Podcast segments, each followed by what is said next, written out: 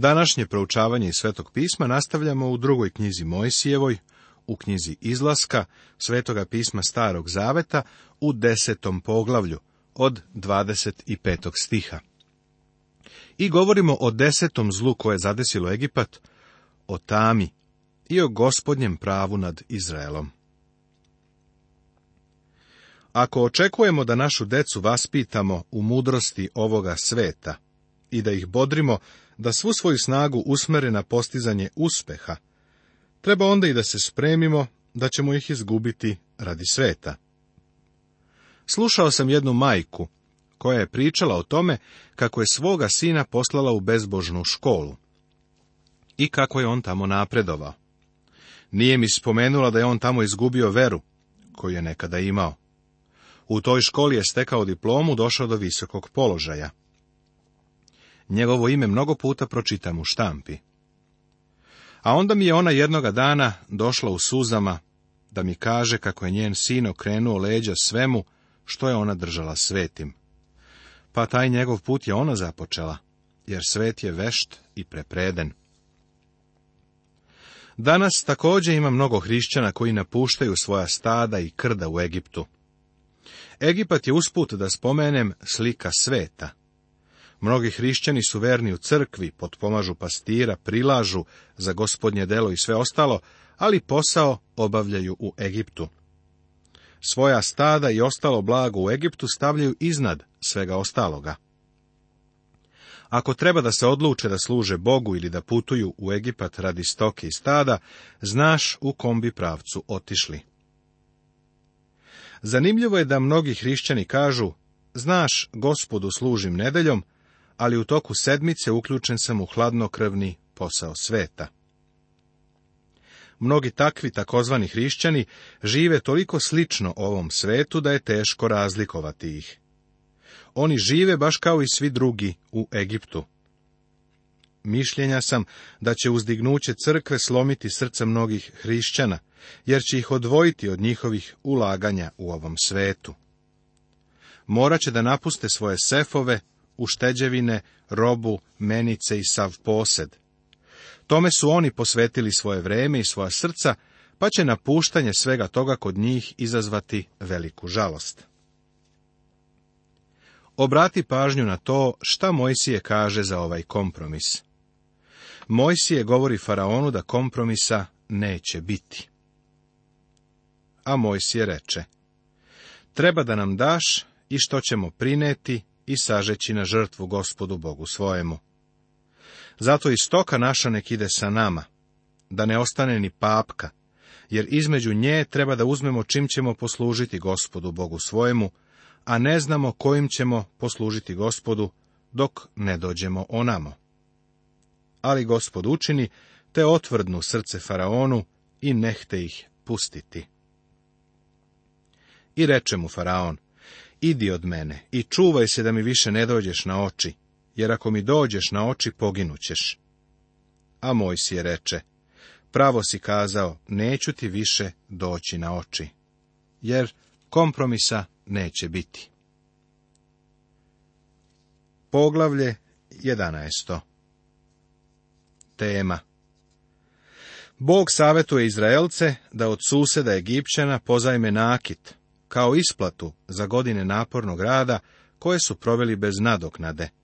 Prvorođenima u Egiptu preti smrt. Ako Izraelcima ne bude dozvoljeno da napuste zemlju, daje se proroštvo o velikom plaču u Egiptu. Ukoliko Egipćani dopuste da ovo zlo dođe na njih. Napomena Ovo je posljednje poglavlje u ovom delu, u kontekstu koji se odnosi na faraona. Smrt prvenaca je konačni čin suda nad Egiptom, pre nego što se Izrael oslobodi jarma ropstva. Do sada je trebalo da faraon nauči da je uzaludno i beskorisno ulaziti u konflikt sa Bogom. Bog je dugo trpeo i praštao, ali mora da dovede do toga da faraon razume da je vreme da Izrael napusti Egipat. Ceo Egipat je pokazao sklonost da podržava faraona i da bude na njegovoj strani u sukobu sa Bogom, pa Bog mora da pošalje još jedan udarac na Egipat u pokušaju da ih nauči lekciji koju treba da znaju. Izraelci traže egipatski nakit. A gospod reče Mojsiju, još ću jedno zlo pustiti na faraona i na misir, pa će vas onda pustiti, pustit će sasvim i još će vas terati, a sada kaži narodu neka svaki čovek ište u suseda svoga i svaka žena u susede svoje nakita srebrnih i nakita zlatnih. I gospod učinite narod nađe ljubav u misiraca. I sam Mojsije beše vrlo velik čovek u zemlji Misirskoj, kod sluga faraonovih i kod naroda. Reč ište, u stvari pozajmi, jednostavno znači da prikupe za ostale plate, Izraelci su godinama služili kao robovi i za svoj rad nikada nisu primili platu. Sada će sakupiti svoj novac. Oni su doslovno trebali da idu kod svojih suseda i da traže zaostale plate. Gospod je Izraelcima dao da su kod Egipćana naišli na ljubav i milost, pa su Egipćani vrlo rado Izraelcima isplatili zaradu egipatskim prevencima se preti smrću. I reče Mojsije, ovako veli gospod, oko ponoći proći ću kroz Misir i pomreće svi prvenci u zemlji Misirskoj, od prvenca Faraonova, koji htede sedeti na prestolu njegovu, do prvenca sluškinje za žrvnjem, i od stoke što je god prvenac. I bit će vika velika po svoj zemlji Misirskoj, kakve još nije bilo niti će kad biti. A kod sinova Izraelovih nigde neće ni pas jezikom svoj mači, ni među ljudima, ni među stokom, da znate da je gospod učinio razliku između Izraelaca i Misiraca. I doći će sve te sluge tvoje k meni i poklonit će mi se govoreći, idi, idi i ti i sav narod koji je pristao za tobom. I onda ću izaći i otide Mojsije od faraona sa velikim gnevom. A gospod reče Mojsiju, neće vas poslušati faraon, da bi umnožio čudesa svoja u zemlji Misirskoj. I Mojsije i Jaron učiniše sva ova čudesa pred faraonom, a gospod učinite otvrdnu srce faraonu i ne pusti sinova Izraeljevih iz zemlje svoje. U to vreme su prvenci i ljudi i životinja pripadali egipatskim bogovima. Ali gospod Bog će sada od egipatskih bogova uzeti pravo nad prvinama. Pokazat će da postoji razlika između dece Izraelove i Egipćana. Razlika nije ležala u anđelu smrti koji je prolazio i nad zemljom Gesen i nad Egiptom. Razlika nije bila ni u činjenici da je jedna rasa bila jevrejska, a druga neznabožačka. Razlika je bila u krvi jagnjetovoj, koja je bila na dovratnicima anđeo smrti neće ni dotaći ni jedan dom koji bude zaštićen jagnjetovom krvlju.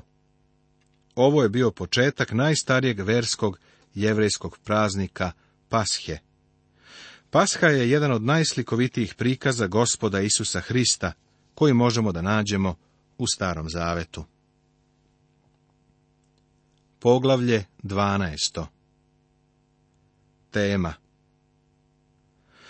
Pored obične svetovne godine, jevreji ustanovljavaju i versku godinu.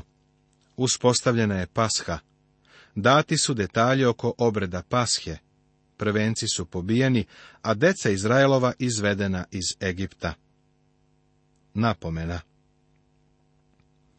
Pasha je ustanovljena kao spomen na oslobođenje Izraelaca iz Egipta i kao njihovo usvajanje od strane gospoda.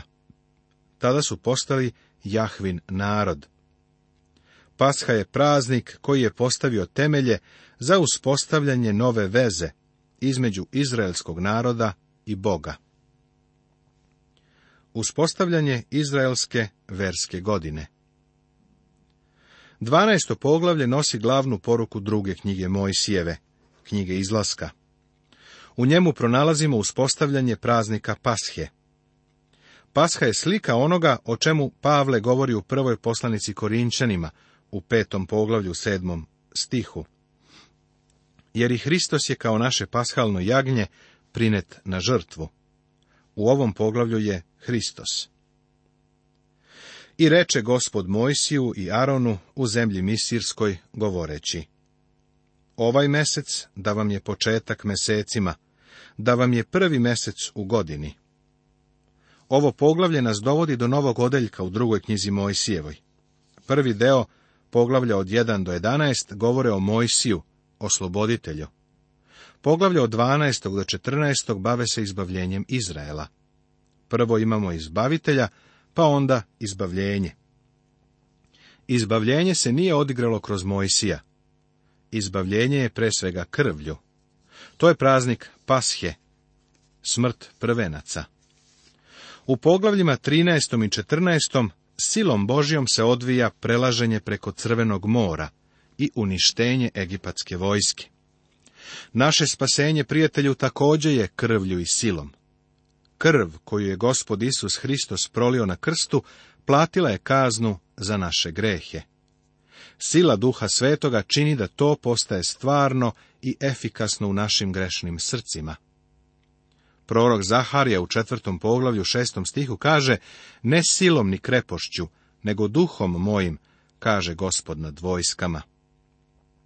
Izbavljenje je delo gospoda Isusa na krstu za nas i delo duha svetoga u nama.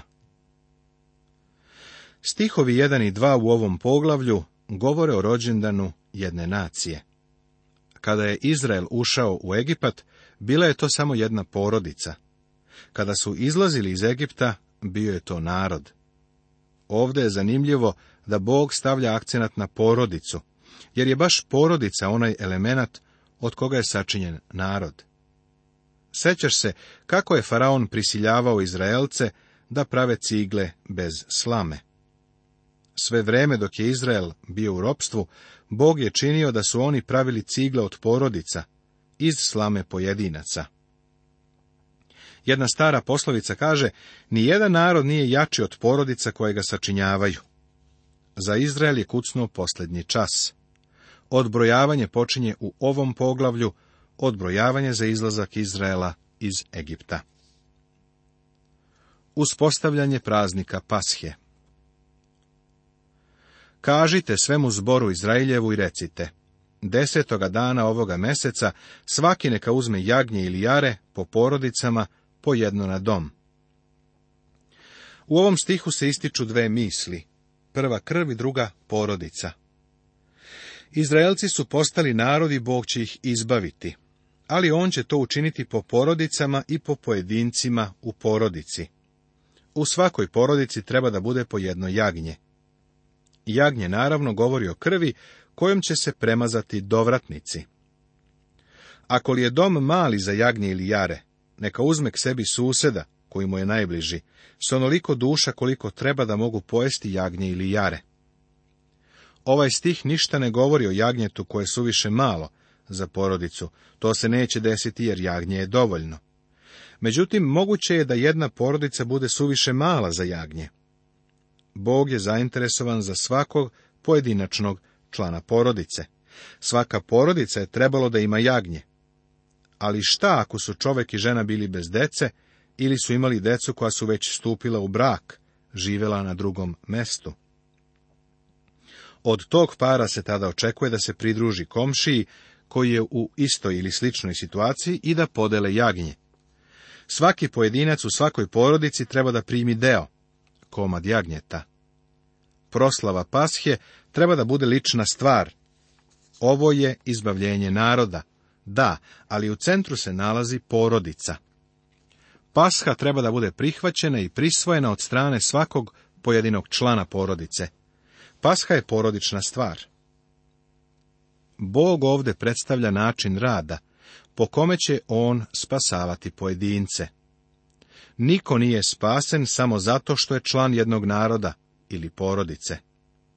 Uzmi na primjer u delima apostolskim u Svetom pismu Novoga Zaveta 16. poglavlje. Izveštaj o filipljanskom tamničaru i o spasenju njegove porodice. Njegova porodica nije bila spasena samo zato što je tamničar uzverovao, nego zato što je svaki član njegove porodice bio izmiren sa jagnjetom. Svaki od njih je morao da okusi od jagnjeta. Ovo je i ovde tako. Svaki član je morao na svoj način da pokaže svoju veru. Poveruj u gospoda Isusa pa ćeš biti spasen i ti i tvoj dom. Ne znači da ako ti veruješ i tvoja porodica će biti spasena, ne. Tvoja porodica će morati da uzveruju gospoda Isusa Hrista, pa će onda ona biti spasena. Svako mora da učestvuje i sudeluje u ovome da bi došao pod zaštitu i izbavljenje krvi koja je na dovratnicima kuće. Stigli smo do sudbonosne noći u Egiptu. Posljednje zlo samo što se nije spustilo na narod. Izraelci u zemlji Gesen bili su pošteđeni posljednja tri zla, a Boži narod je bio oslobođen od suda, ali još uvek nisu bili izbavljeni. Sada će biti izbavljeni, a svoju veru će pokazati kroz krv. A jagnje ili jare, da vam bude zdravo, muško od godine, između ovaca ili između koza uzmite i čuvajte ga do 14. dana ovoga meseca, a tada sav koliki zbor Izraeljev neka ga zakolje uveče. Ovaj deo svetog pisma je vrlo zanimljiv. Zapazi dakle da je svaka porodica imala jagnje. Hiljade jagnjadi je moralo biti ubijeno te večeri, ali u šestom stihu piše A tada svakoliki zbor Izraeljev neka ga zakolje uveče. Sva ova jagnjat govorila su o tom jednom jagnjetu, o gospodu Isusu Hristu, koji je bio pasha prineta za nas. Ovaj praznik je ukazivao na dolazak na svet gospoda Isusa Hrista.